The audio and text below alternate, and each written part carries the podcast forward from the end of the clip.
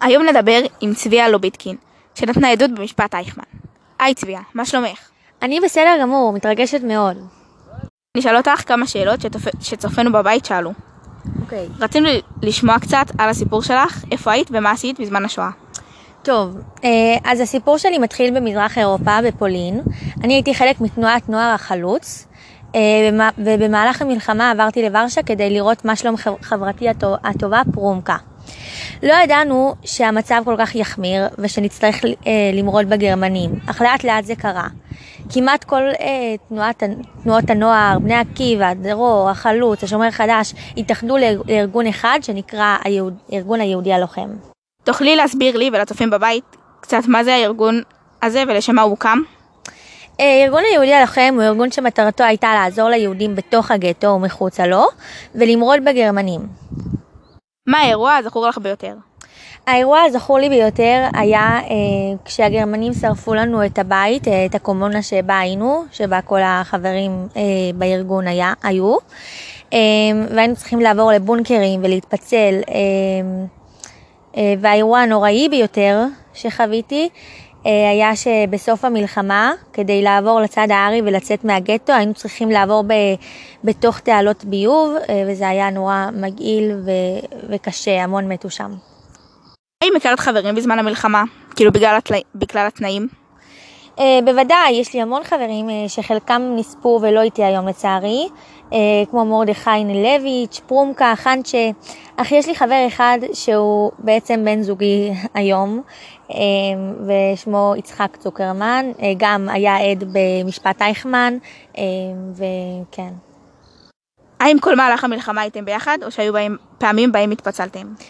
אה, לא, לא היינו ביחד אה, כל המלחמה. כשעברתי לבר... לוורשה אה, לפני תחילת המרד, אה, היינו ביחד, אך ההכנות למרד והמרד עצמו כמובן, אילצו אותנו להיפרד המון פעמים, להמון זמן.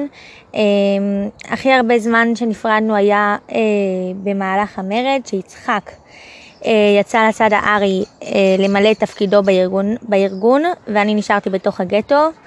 אה, זה היה נורא מלחיץ, כיוון שלא ידעתי אם הוא חי או מת ואיפה הוא נמצא. אמ, מאיפה השגתם נשק כדי להילחם בגרמנים?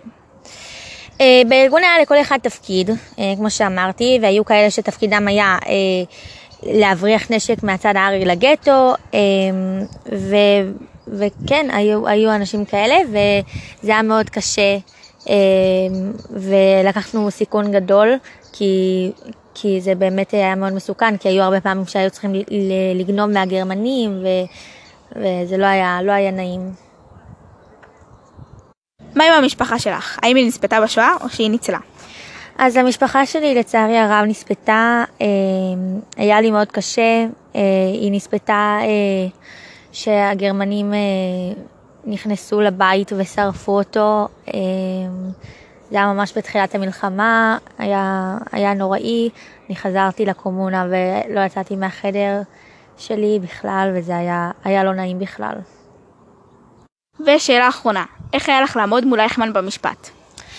טוב, אז היה לי מאוד קשה אה, לעמוד מול אה, מישהו שהיה לו חלק אה, משמעותי ברציחת העם שלי, אה, החברים שלי, המשפחה שלי, אה, אבל אה, אני חושבת שזה, שזה שמדינה כל כך צעירה ו, וקטנה הצליחה אה, לתפוס אה, רוצח עם אה, ולתת לו גזר דין מוות, זה ניצחון מבחינתי.